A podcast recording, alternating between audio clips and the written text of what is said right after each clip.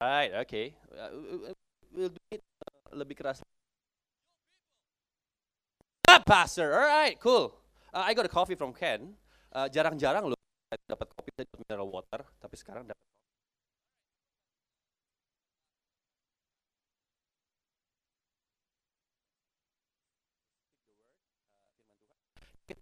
aku bakal uh, berdoa buat teman-teman yang mau didoakan. Kalau nggak mau didoakan nggak apa-apa ya. Jangan merasa berasa bersalah. Gue nggak mau didoain tapi do gimana kasihan mukanya melas banget.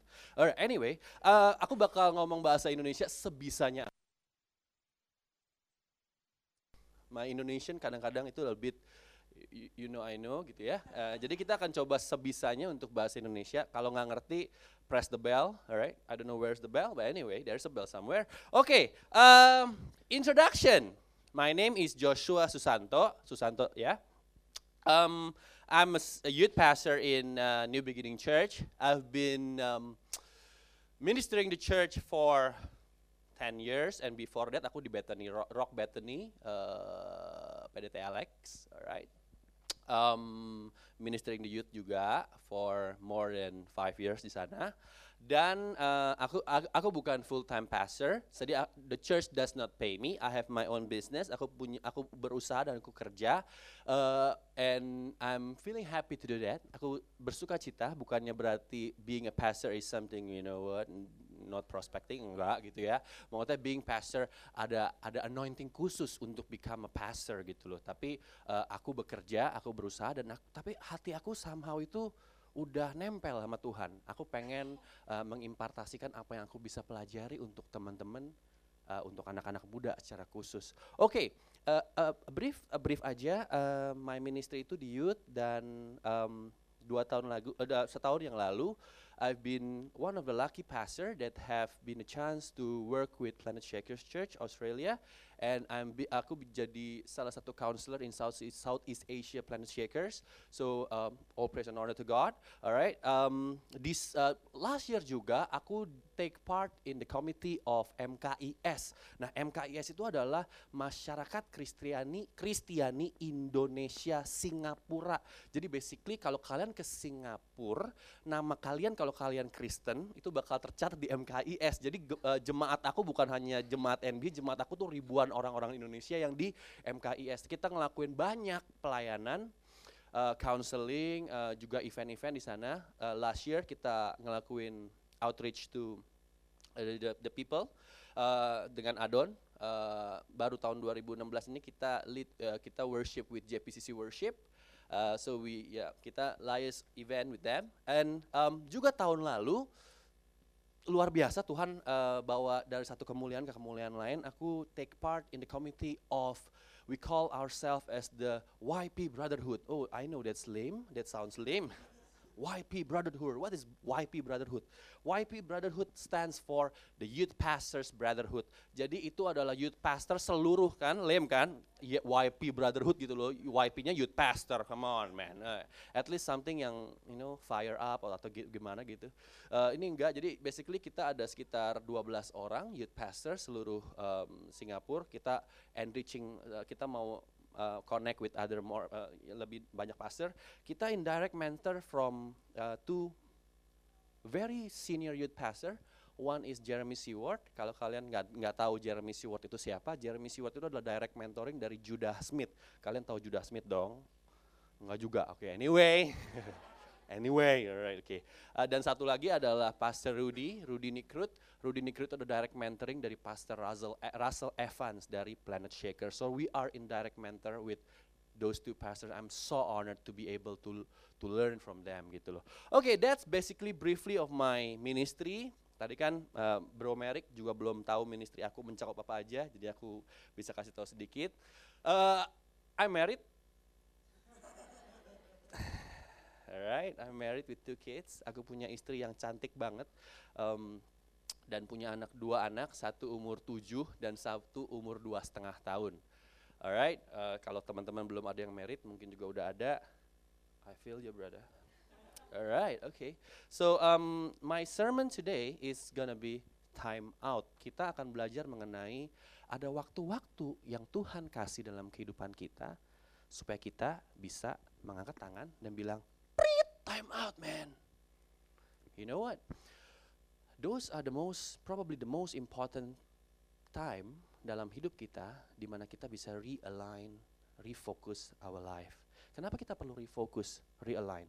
Um, siapa yang udah punya pacar di sini? Boleh angkat tangan. Yang jujur puji Tuhan, yang nggak jujur puji Tuhan, gitu ya. Oke, okay. Brother Merrick udah punya pacar. Pen sering nggak Brother Merrick uh, temenin pacarnya untuk um, belanja? Kadang gitu ya. Uh, ada nggak reluctant? Uh, beb, jalan-jalan belanja yuk gitu. Ada kadang-kadang, hmm, aku udah pelayanan lo beb. Hari Senin ada pelayanan hari Senin. Iya beb, pemulung nggak kadang ada nggak reluctant kita untuk ngikut temenin uh, temenin pacar kita tuh jalan-jalan? No to tell you honestly mungkin brother Merrick nggak punya kayak begitu tapi aku ada kadang-kadang. Kenapa? Kenapa? Oh kenapa? Karena istriku itu dilahirkan Tuhan dicipta Tuhan dengan sangat amat luar biasa.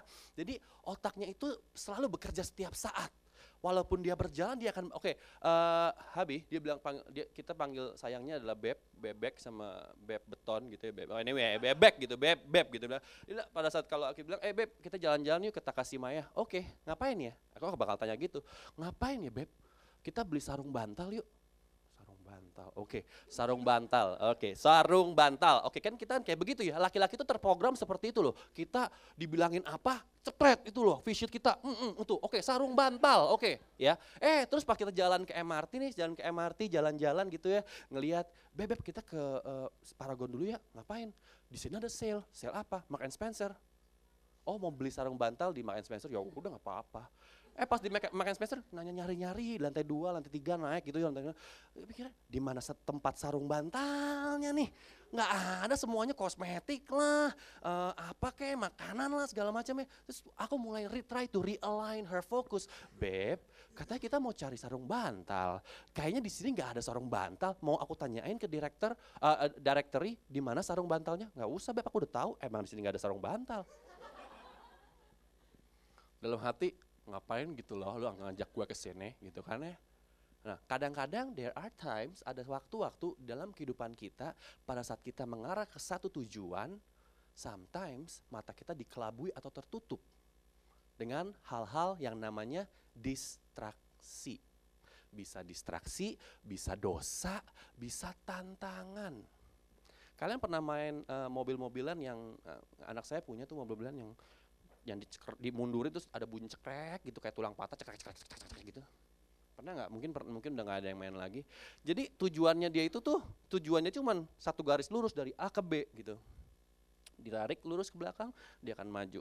Nah kalau anda mencoba dari poin A ke poin B terus tiba-tiba ada Starbucks cup saya di sana dan anak saya mainin ngeng cetok dia nempel ke sini terus apa yang kira-kira yang dilakukan? Dia kan berbelok karena pada saat kita mundur, dia ada ada seberapa kekuatan dalam mobil itu. Misalkan ada kekuatan satu menit untuk berjalan, dia akan jalan ini baru setengah menit ke sini. Kekuatannya akan ber, akan terus berjalan. Kalau dia bisa jalan, dia akan nggak ke sana, dia akan berbelok. Itu distraksi dalam kehidupan kita. Kadang ada distraksi. Bu, mungkin bukan kadang, sering sekali ada distraksi. Ya enggak? Nah, pada saat distraksi itu eh, tersebut datang, apa yang kita harus lakukan? Kita tiup periwitan kita, kita angkat tangan kita kepada wasit. Yo people, sir pastor, alright, we need to have a timeout. Alright, the first, um, coba kita bisa di, di, di slide number one. Alright, time out. Oke, okay, rest, uh, restore. Uh, waktu aku tanya Daniel, hmm, temanya apa bro? Dia bilang restore. Kita lagi uh, mempelajari tentang care and restore is one of the uh, section di sana gitu. Menurut Webster Dictionary, uh, restore itu to bring back to its natural position, its glory, glory days and its winning ways. Suatu hal yang kita bisa pelajari dari dari dari restorasi ini adalah restorasi ini diperlukan karena sebelumnya berada di suatu tempat, tapi sekarang sudah tidak berada di tempat itu lagi, betul? Makanya kita perlu restore. Restore itu balik lagi ke situ. Dari dari poin A harusnya ke poin B, tapi nggak nyampe ke poin B, kita malah ke poin C. Jadinya apa yang kita lakukan? Kita restore, refocus, realign. Oke, okay? um, to bring back to the right track, to the right objective. Joshua 1 ayat 9. Have I not commanded you, be strong and courageous, do not be afraid, do not be discouraged, for the Lord your God will be with you wherever you go. Yosua pada saat dia mencoba pada saat dia dipilih untuk menggantikan Musa, Yosua itu hanya seperti kalian, anak-anak muda yang mungkin kurang experience, mungkin dari in battlefield dia kurang experience, mungkin di dalam lead the people mereka kurang experience, tapi at that point of time God told him, you know what Joshua, you don't be, have to be afraid, kamu jangan takut. And one word he said, do not be dismayed. What is dismayed? Dismayed itu apa? Jangan dismayed itu seperti ini. Pada saat berjalan, dia ngeliat ke, dia ngeliat ke proyektor, proyektornya bagus ya. Dia mulai berjalan lagi. Eh saat dia berjalan lagi dia ngeliat, ih speakernya gede ya That is dismayed. Distractions yang membuat kamu mengarah menuju distraction tersebut. Dan di dalam kategori ini Tuhan berkata kepada kamu, along your way akan ada akan ada idols, akan ada gods, ada ada different gods yang telling you, you know what, I'm the true God. Ini aku adalah Tuhan yang asli. You know, Baal is the true God. But you know what? Before he took the leadership position, God told him, you know what Joshua, do not be afraid, jangan takut dan don't be dismayed, jangan jangan jangan gampang terpengaruhi gitu loh. There's one thing about young people nowadays, we tend to lose our focus. We tend to lose our focus. That happens, you know. Seringkali itu terjadi kita lagi ber, uh, lagi kita punya objektif ini oke okay, aku set vision aku seperti itu. Tapi pada saat along the way kita ngelihat eh kayaknya bagus ya kayaknya oke okay nih kalau ngerjain itu. Kenapa kita nggak ngerjain itu aja? Eh pas udah ngerjain itu aduh fail. Aduh capek lagi. Mau balik lagi aduh kayaknya bukan buat gua deh. And ini udah stuck. Kamu stuck di sana. You know? Sekarang pertanyaan aku juga kedua adalah kepada kamu. Siapa yang udah bekerja di sini amazing kalian bekerja. Uh, siapa yang sering yang pindah kerjaan dalam waktu satu tahun dua tahun? Sering kali pindah pekerjaan dua tahun. Nah, saya nggak bisa menyalahkan mereka karena apa? Karena anak muda, anak muda gitu ya. Mereka tuh melihat melihatnya, oke, okay, di depan ada gaji yang lebih tinggi, gua ambil aja. Oh, di depan ada karir progress yang lebih tinggi, gua ambil aja. Oh, ini seperti ini, gua ambil aja gitu. Tapi pada saat kamu reach to 35 or 40 years old, you will not think about that. Why? Because you have limitations. Kamu punya limitasi-limitasi dalam kehidupan kalian. Oh enggak ah, gue udah keriput gini, masa gue mau jadi uh, sales? Enggak dong. Susah kayaknya deh. Masa gue pengen jual barang kecantikan kalau I'm not long, aku tuh udah gak muda lagi gitu loh. Bagaimana gitu ya, susah juga gitu ya. Jadi repot gitu. Pada saat kamu di situ kan kamu cari yang stabil. Tapi kamu harus ingat bahwa stabilitas, baik itu dalam pekerjaan, baik itu dalam bisnis, itu harus dipupuk dengan satu kerja keras, dua waktu. Kalau Kanda mau bilang sama saya, you know what kok, uh, in this company I want to work for like five years. That's why pada saat interview, kebanyakan orang yang interview kamu bakal tanya, uh, bagaimana kamu melihat diri kamu lima tahun ke depan? Gak ada orang bilang, bagaimana kamu melihat diri kamu enam bulan ke depan? Gak ada yang kayak gitu. Karena apa? Kalau kamu mau bekerja dengan kami, make sure you set your focus to work with us for a long run because namanya company juga pasti akan reward gitu loh. Makanya I really um, ayo kuatin kalian gitu ya. Mungkin dalam akhir-akhir ini pekerjaan susah, manajer uh, eh, KA gitu kurang ajar kadang-kadang gitu ya. ya. Cuman the thing is, do not be afraid, do not be dismayed. God is forever with you. Aku nggak menyalahkan orang yang udah ganti kerjaan. It's okay kalau kamu punya mau batu loncatan, but make sure your your umur kamu tuh tidak tidak berbalik. Umur kamu akan selalu maju gitu loh ya.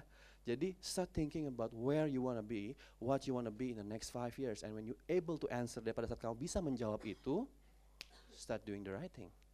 Alright, alright. Um, the next slide will be, alright, everyone needs a times out.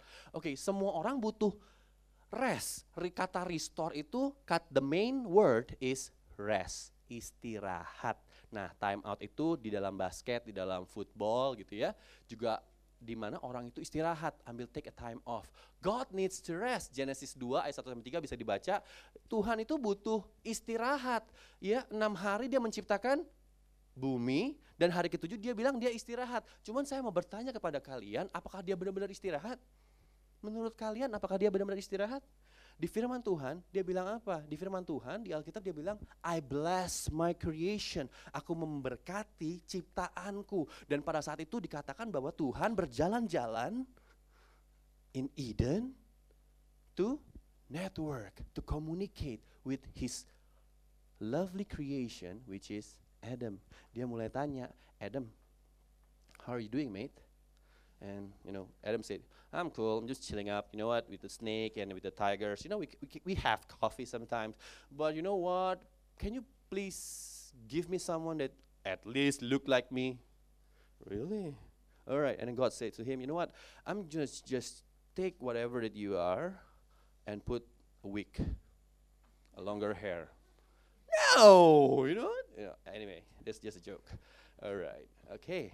So uh, Tuhan juga butuh istirahat dan pada saat itu dia beristirahat gitu. Dia take a time off, dia communicate with with with, with his creation. Saya juga begitu ya. Kalau saya bekerja selama satu, satu minggu penuh, hari Sabtu, hari Minggunya, I want to make sure that I am spending my time. Aku uh, ya dengan anakku, dengan istri aku gitu. I'm spending my time with them supaya aku bisa uh, you know show that I really appreciate them gitu loh ya.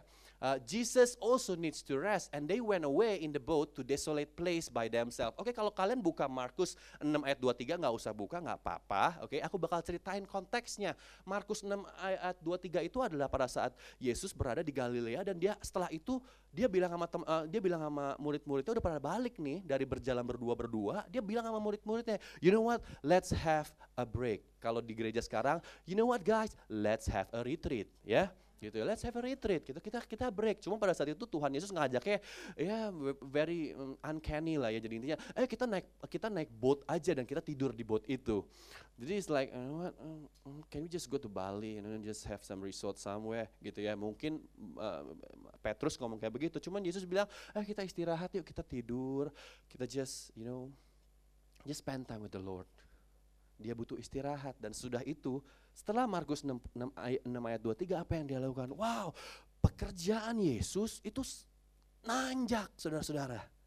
Dia apa? Pada saat dia keluar, pada saat dia turun gunung ya, kayak orang-orang kungfu turun gunung begitu ya. Pada saat dia turun gunung setelah istirahat, apa yang dia lakukan? Waduh, dia ngelakukan banyak. Dia ketemu orang lepra. Ya, lepra itu apa? Sedih, he met the leper gitu ya. Dia sembuhin, dia uh, kusta, orang kusta, leper itu kusta ya, kusta lepra gitu. Uh, Uh, jadi dia ketemu orang kusta disembuhin. Bukan cuma satu, dia ketemu sepuluh lagi. Buset, ini apa bikin grup ya? Bikin BBM grup ya untuk uh, untuk orang lepers gitu ya. Terus dia ketemu orang buta disembuhin. Ada uh, ada ada prajurit, ada kepala prajurit bilang, "Eh Tuhan, tolong dong sembuhin anak gue." Di mana? Di sana. Jauh banget. Ya, ya udah, kagak ada mobil ya, kagak ada. Lu jalan kaki. Ya. Jadi pelayanan dia setelah dia istirahat itu naik. Setelah istirahat itu dia tuh sibuk banget.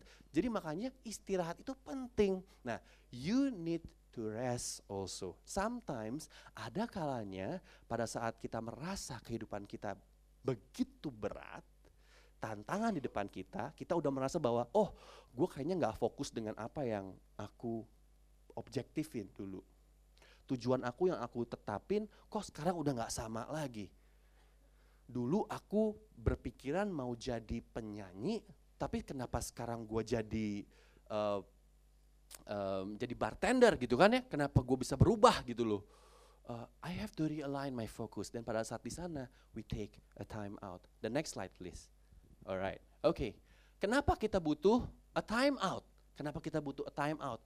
Satu, itu untuk conserve energy. Oke, okay, uh, Yesaya 40 ayat 31, Um, but those who wait upon the Lord will renew their strength. They will soar on wings like eagles. They will run and not grow weary. They will walk and not be faint. All right. So um, Yesaya 40 31 uh, berkata bahwa wait, kata wait di situ in Hebrew translations itu adalah nuah. Nggak tahu ngomong gimana gitu ya, nuah atau nuah gitu nggak tahu. Anyway, the Hebrew translation of wait itu adalah nu'ah, to rest upon to surrender to God.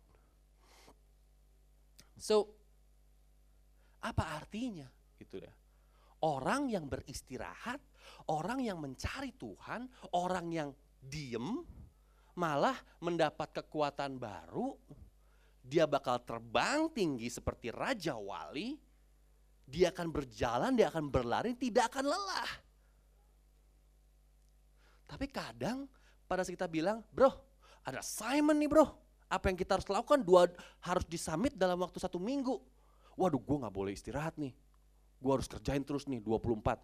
Kita harus pergi ke 7-Eleven, tapi kita nih namanya 24/7, kita harus ke sono nih. Ya nggak? Kerating Deng, Energized Drink, saya saya banyak gitu ya pelayanan sama anak-anak muda ya. Anak-anak muda selalu ngelakuin kayak begitu. Uh, uh, project udah dikasih tiga bulan yang lalu, tapi baru dikerjain dua minggu yang dua minggu sebelumnya. Jadi apa yang dia lakukan? This is my power drink, and they in front of my laptop. digenjot habis-habisan, digeber habis-habisan selama dua minggu ini, habisin, habisin, habisin sampai benar-benar habis. Bukan cuman tenaganya habis, badannya juga rontok, dan saya bisa ngomong sama kalian bahwa hasil kerjanya tidak akan maksimal. So you need rest. Kita butuh istirahat. Kita butuh to be restored. Kita butuh ada waktu mungkin. Nah, satu hal yang kenapa saya bilang, kenapa saya memilih judul time out bukan rest atau slumber atau apa gitu. Kenapa saya bilang time out? You know why? Siapa yang main basket di sini? Ken, time out berapa menit biasanya kalau dalam pertandingan? Nggak tahu dia bro, eh lu main congklak atau main basket bro? Alright, normally in quarter they have 10 minutes to 15 minutes, depends on how professional the game was. So basically, um, biasa tuh sekitar segitu, kurang lebih ya Winnie ya.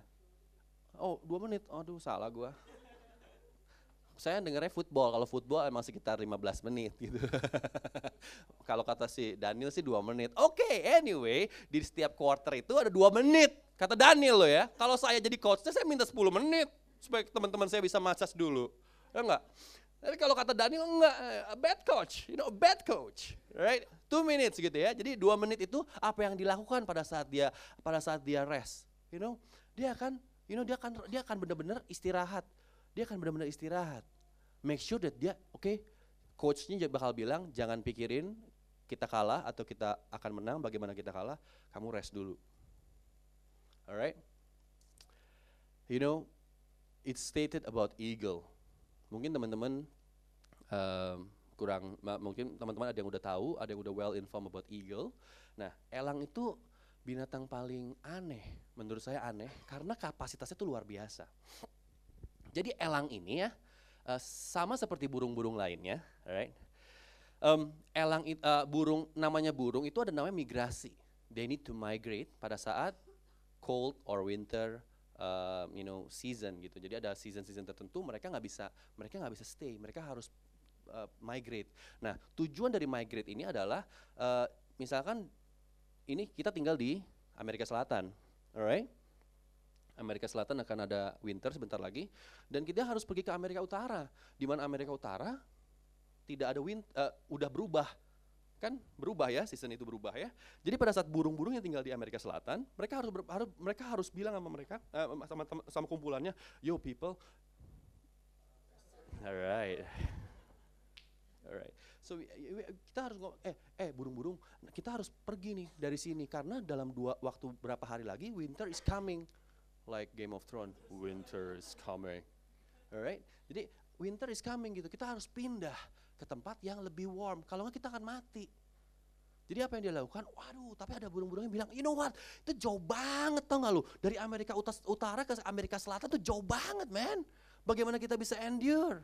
Nah, eagle itu adalah burung yang luar biasa. Karena apa? Sayapnya kalau bertumbuh itu bisa lebih dari dua setengah meter badannya itu nggak nggak sepanjang sayapnya.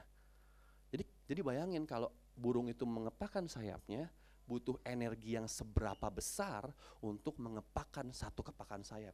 Kalau burung-burung perkutut gitu ya, kecil, badannya kecil, sayapnya kecil, enak gitu. I thought I thought putih tet, I did, I did thought putih tet, you know, kayak begitu masih kecil gitu loh, ya. Uh, kayak Tweety gitu, sayapnya kecil bisa terbang gitu ya. Ya enggak? Cuman kalau elang itu enggak. Kalau elang itu sayapnya tuh gede banget. Jadi setiap kali dia menghempaskan sayapnya itu butuh energi yang luar biasa. Jadi by logic nggak mungkin dia bisa mengarah ke Amerika Utara ke Amerika Selatan dengan beberapa kali sayap karena dia akan mati di tengah jalan. Jadi apa yang harus dia lakukan? Yang harus dia lakukan adalah dia akan pergi ke gunung yang paling tinggi di Amerika Selatan, ke gunung yang paling tinggi, dan dia akan menunggu Menunggu apa saudara-saudara? Menunggu badai. Kenapa dia menunggu badai? Karena badai itu memberikan kekuatan lebih. Anginnya kan tinggi tuh, cepat gitu kan ya. Jadi dia akan menunggu, dia akan pergi ke tempat yang paling tinggi. Dia akan menunggu di sana, menunggu badai dan pada saat badai datang, dia akan mengepakkan sayapnya berkali nggak usah nggak usah sering. Satu kali dia akan glide satu kali dia kan glide. Gue kayak pemain balet di depan. Tolong jangan difoto pada saat gue ngelakuin gini ya. Ya gitu ya. Jadi dia jadi dia bisa conserve energi dia gitu loh. Dia nggak perlu ngepakin saya berkali-kali. Dia akan pergi ke tempat yang lebih tinggi. Dia akan glide. Glide sampai dia reach to the destinations. You cannot you cannot be stronger when strong being strong is the only possible answer in your life. You got it? Kalian tidak akan bisa bertambah kuat kalau being strong menjadi kuat adalah satu-satunya jawaban dalam hidup Anda. Kalau ada solusi yang lain, badan Anda akan berkata, gue gak mau, I don't want to do this, I want to do other things. Elang akan mati kalau dia stay. Elang akan mati kalau dia kepakin sayapnya terus. Satu-satu jawaban adalah itu. Dia harus pergi ke atas, ke gunung yang paling tinggi. Di saat itu dia akan menunggu badai. Pada saat badai pun 50-50. Bisa mati, bisa enggak. Makanya di Amerika, khususnya di Texas dan di, di Kanada ya, banyak bangkai-bangkai burung elang. Karena apa? Banyak elang-elang yang cannot make it. Pada saat dia glide, mungkin kena petir ke, mungkin ketabrak pesawat ke, mungkin ketembak ke, nggak tahu. Ada yang cannot make it. Tapi kenapa sekarang bisa conserve? Karena mereka ada yang make it. They are people, they are willing to take the risk to become stronger. Right? Okay, to conserve our energy. The second one. All right. Pada saat kita ya, di dalam time out tersebut bukannya setiap pemain juga harus istirahat, tapi seorang coach yang baik itu akan strategize. Dia akan bilang sama teman-temannya, dia akan bilang sama uh, timnya, ayo kita ngumpul-ngumpul-ngumpul gitu kan ya kayak kayak gitu kan ngumpul-ngumpul atau ngomongin apa gitu. Masa masa di pada saat ngumpul-ngumpul ngomongin istrinya, eh gimana istri lo? Nggak mungkin dong ya nggak sih? Nggak mungkin dia ngomongin pada ngumpul, eh ngumpul-ngumpul-ngumpul-ngumpul. Eh besok kita makan di mana bro? Nggak mungkin gitu loh. Jadi kita nonton, eh itu yang gede, siapa yang nahan? Eh itu yang kecil, yang rada bau, gue nggak mau. Ya Ada strategi gitu loh. Ada strategi, coachnya bakal bilang, eh kamu, kamu halang yang bau. Karena kamu juga bau.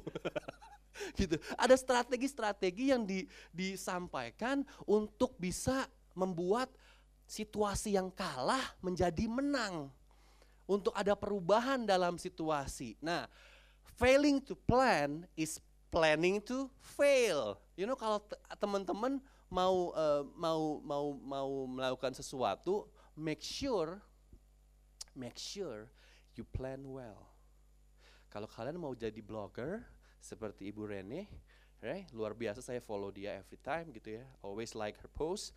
Kalau dia kalau uh, you know the, the difficult of being blogger itu adalah begini. Saya juga punya teman uh, blogger ya namanya Morina di Singapura. Kalian bisa follow namanya Moonbrella. Merinding sampai sekarang. He's a, she, she's a very nice girl gitu ya. Orang-orang tuh di gereja selalu kayak kayak bercandain dia, eh, ya, ya, ya, gitu-gitu lah segala macam. Tapi I always encourage her, you know what? You're doing something is wonderful, you know. You're doing something that even I cannot do gitu loh. Kamu tuh ngelakuin sesuatu yang luar biasa. Followernya udah 10 ribu dan dia bilang sama dia bilang sama aku, "Koh, I have a vision to have 10,000 followers in the year end." In the year end, man, this on, now it's only March and she got it like 11k. Udah dapat 11k. This is just amazing. And then I especially um, you know SMS dia kamu luar biasa loh gitu. Nggak nggak nggak ada orang nggak saya jarang banget kenal orang-orang yang seperti kamu. Tapi apa yang dia lakukan? Setiap kali dia mau post picture, it takes her for like what three hours to edit. Nggak kayak gua gitu. Kalau gua post picture, eh with Gojek, mukanya juga dari bawah udah ada yang ada lemak-lemak. Eh Gojek. Orang juga ngeliatnya, bleh. get away, throw my phone. Mungkin kayak begitu gitu. Tapi ini enggak. Ini ada very delicate gitu. Pada saat dia post ya, dia bakal bilang komen, eh, menurut lu gimana, bagus apa enggak? Kadang-kadang annoying sih. Kok bagus nggak kok? Ada yang begini, ada yang begini, ada yang begini. Kalau istri gue tahu, gue bisa kena begini nih. Gue bilang, you know what, whatever it is, you are beautiful. Gue bilang gitu, kamu tuh cantik gitu loh. You know, you have to stay strong. Kamu harus stay confident. Terus, it takes her for like three hours to just post one pic. It takes me half a minute to post one pic. And kita bisa ngeliat berapa banyak yang like. Gue tahu kalian ngetawain gue karena kalian ada berapa yang follow dan bilang, pathetic man this guy. I know those love man, I know those loves. anyway, just joking, alright? You are guys, you guys are cool.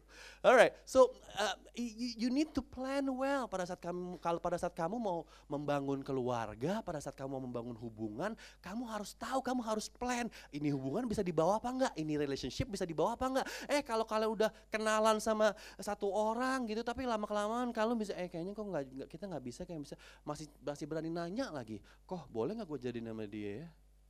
Ya udah tahu masih temenan yang jadi repot, orangnya kayak begitu masih berani nanya sama Koko. Mau jadian apa enggak? Masih berani nanya sama Merik, jadian apa kagak? Ya enggak? Merik pasti bilang cari cowok yang kayak gua. Right? Ya enggak? You know, you know, nah, kalau kalian mau ngelakuin sesuatu, make sure that you plan well gitu. Kalian mau ngelakuin wedding, organize a wedding, do um, um hmm, siapa yang ada wedding barusan? Oke, okay, anyway, yang organize a wedding, kalian harus plan your wedding well. You know, ada ada beberapa wanita, khususnya istri saya gitu ya, um, dia tuh plan her wedding um, for like what, 20 years? So, you know, and start to think gitu loh, babe, kamu masa udah pikirin wedding sejak kamu umur 8 tahun? Hah? Kasihan dong cowoknya nanti ketemu kamu. Terus dia bilang, benar, aku punya karakteristik-karakteristik. Aku mau bersih di sini, aku mau jalan kayak gini, aku mau punya, aku mau pakai veil segala macam. So make sure that you are a husband that fulfill.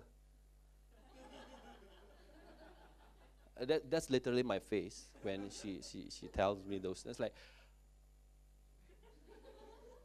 And then I start singing, I do cherish you from the bottom of my heart. You know, anyway. So aku aku bilang, oh, okay, aku, aku bakal bilang, you know, whatever it is, because I love you so much, I will make your dream come true gitu. Aku bakal try my best to uphold this gitu loh. Aku bakal ngelakuin ini. Nah, pada saat kalian mau ngelakuin sesuatu, don't jump into something out of whatever it is in your heart think, plan with your hand, with your head. Nah, ya. Jadi pada saat time out time out seperti ini, misalkan kalian dalam bisnis, ya, kalian dalam bisnis atau kalian dalam relationship apa pun dalam dalam pekerjaan apa pun itu juga.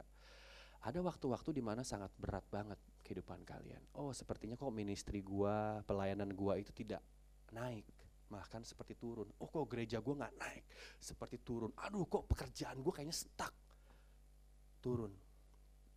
Probably it's a time for you to take a rest. Kenapa saya bilang time out? Karena time out itu dua menit, itu cuma dua menit. Ya, ada waktunya untuk kembali lagi. Ya, jangan bilang bahwa time out itu time out jangan time out itu time out seterusnya. Nanti pada bilang semua, komerik komerik, I want to have a time out because Pastor Joshua told me, no, I, it's calling in me. I want to have a time out. Like, like okay, I can give you a time out, uh, two weeks, sabbatical, uh, three months, no, like forever, man. That's not time out. That is running away. You know, that's running away. And brother Merrick bakal cari gua di Singapura. Bro, what happened? I naon gitu ya. What happened, bro? Gitu kan. Jadi jangan sampai kayak begitu. Namanya time out itu ada waktu untuk time out, ada waktu untuk kembali dari masalah. Ingat, masalah itu bukan untuk di kita kita kita run away from, tapi the problem is where we need to refocus, realign how to solve it. Right. Cool. So the third one, the last one. Wow, I mean, all right. Is to reconnect. Wow. Alright. Nah, kenapa saya bilang pada saat time out time out ini dalam suatu pertandingan mereka perlu perlu reconnect. Karena apa? Mungkin mungkin pada saat kita main basket atau kita main football ada masalah-masalah pribadi ya yang membuat ah gue nggak mau pas dia ah. Eh gue nggak suka dia. Gue nggak mau pas dia ah. I, I don't want to pass to him. I don't want to pass to him. Oh you know what? Because uh, dia ngelakuin ini sesuatu yang jahat. I don't want to tidak ada unity di dalam suatu tim, kita akan tidak akan ada kerjasama dalam tim tersebut. Jadi pada saat kita seorang coach mengambil masa time out, kita harus reconnect with everyone, reconnect with God. Alright? Come to me, all you are weary and burdened, and I will give you rest. Take my yoke upon you and learn from me, for I am gentle and humble in heart, and you will find rest for your souls. For my yoke is easy and my burden is light. Do you guys know um, um, Steve Jobs, right? You know, right? Steve Jobs, Apple, udah meninggal, dia udah reconnect with whoever his God is. Alright, oke. Okay. Tapi ada satu yang unik di dari dari segi uh, pertarungan Apple dan Samsung. Siapa yang pakai Apple? Wow, amazing. Who use Samsung? Samsung. Alright, oke. Okay. Dalam satu tahun Samsung keluarin berapa model, bro? Banyak ya jawabannya itu. Dalam satu tahun Apple keluarin berapa model handphone? Satu, bukan dikit, satu. Kenapa dia ngelakuin seperti itu?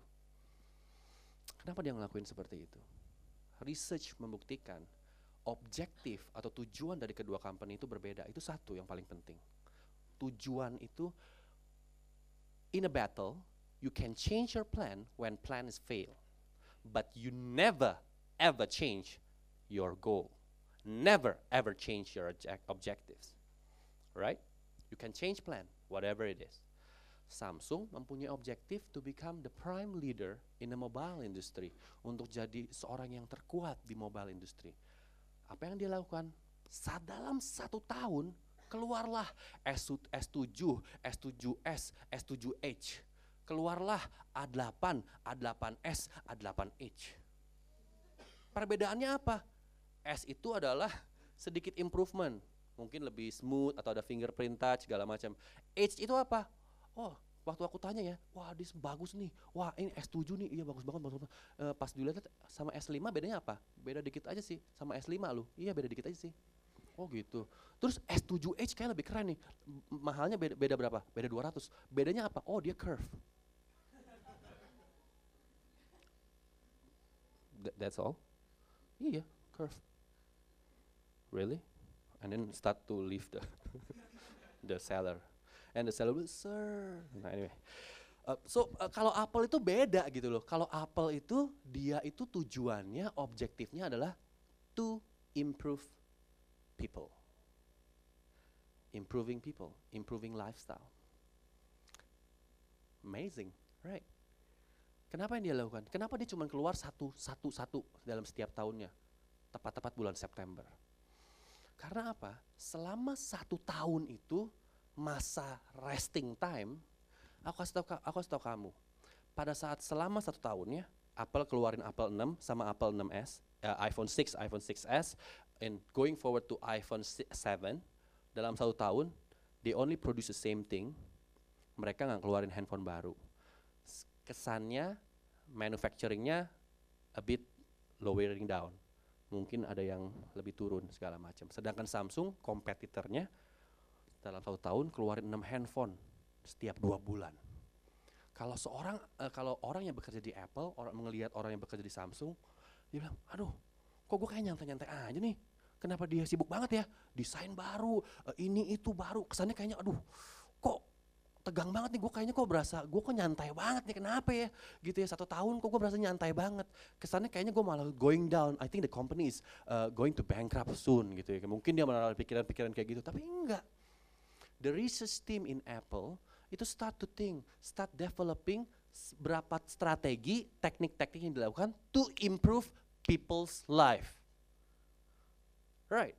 Jadi pada saat iPhone 6s keluar dengan iPhone 7, perbandingannya tuh gede. Lebih panjang, lebih panjang, ya nggak sih? Mungkin ada eh, mapnya jadi 3D, walaupun kadang-kadang kita bilang ngapain sih map 3D, tapi bener loh. Kadang-kadang kalau kita lagi cari kita lagi, cari gedung ya, itu penting loh. Kalau kita lihat di Google Map kan udah kotak-kotak doang, biru doang, merah, hijau segala macam nggak bisa bedain. Tapi kalau kita lihat 3D, zet, oh ini gedungnya nih, gedung gua gede banget, pengen interview gede nih, kayaknya company-nya gitu kan penting kadang-kadang loh padahal kita nggak dibutuhin of course nggak penting. Kesannya kayaknya aduh ece-ece banget gitu. Tapi setelah pada saat kita butuhin it improves our, our it improves our lifestyle gitu loh. Ya nggak? Nah Apple is doing satu selama satu tahun itu dia strategi dia put strategize dia plan and dia reconnect with people dia reconnect dia kasih survei, dia hand out survei. Eh, you know what? What do you think? Kalau kamu mau beli handphone iPhone 7, apa yang kamu mau, mau fiturnya?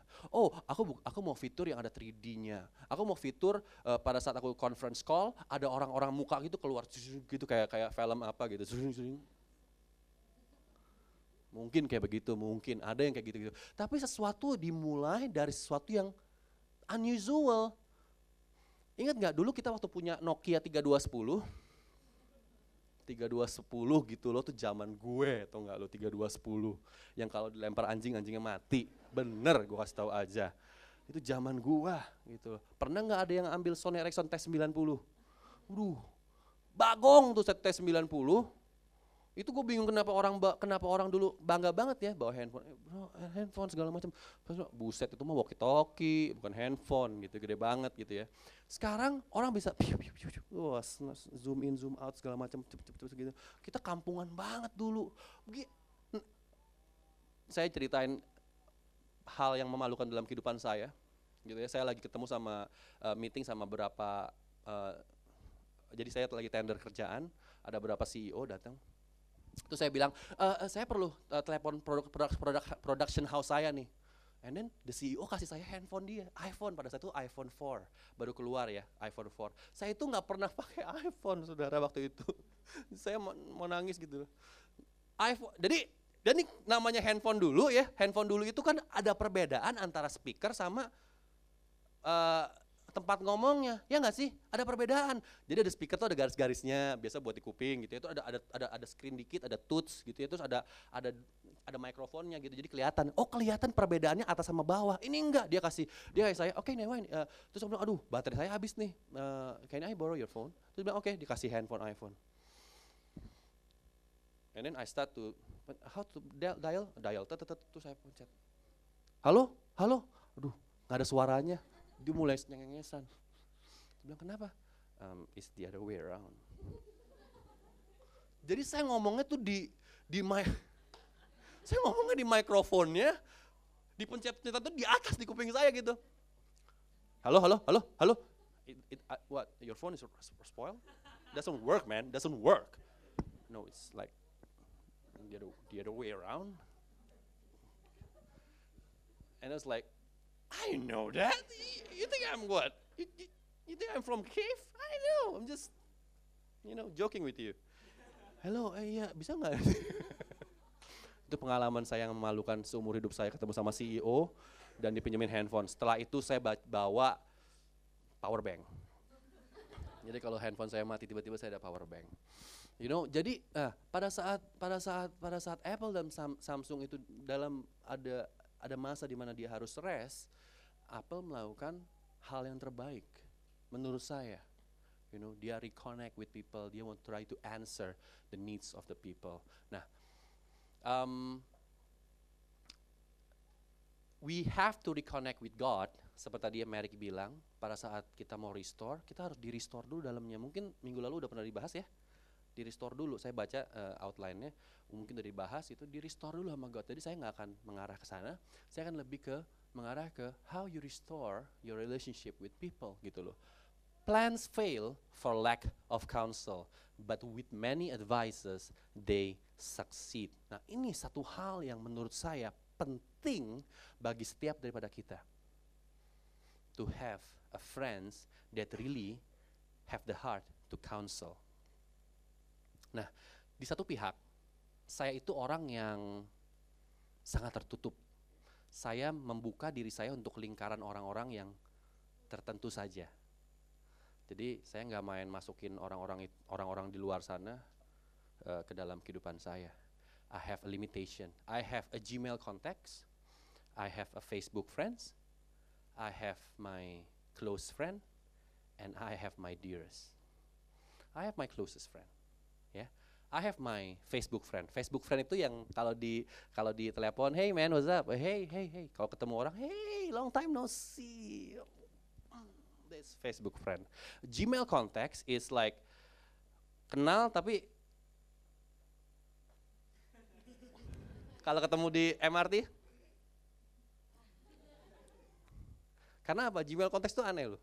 Gmail konteks itu kalau kamu kamu punya Gmail ya, orang mau ngasih virus pun jadi kontak kamu.